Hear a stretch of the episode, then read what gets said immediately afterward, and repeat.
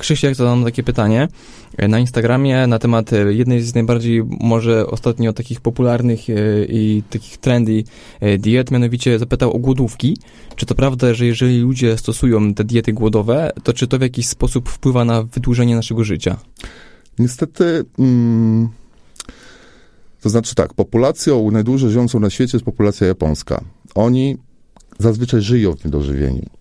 Także generalnie obniżając trochę podstawową przemianę materii, nie żyjąc w głodówce cały czas, nie żyjąc w głodówce, ale ją jakby trzymając na takim poziomie, e, Żeby nie robić zapasów. nie robić zapasów. Właśnie, żeby organizm nie musiał robić zapasów, tylko żeby to była dieta izokaloryczna, taka, która jest nam potrzebna w tym momencie do utrzymania aktywności ruchowej, wszelkich e, funkcji życiowych i aktywności ruchowej podstawowej, e, lub z nadmiarką na aktywność dodatkowo sportową.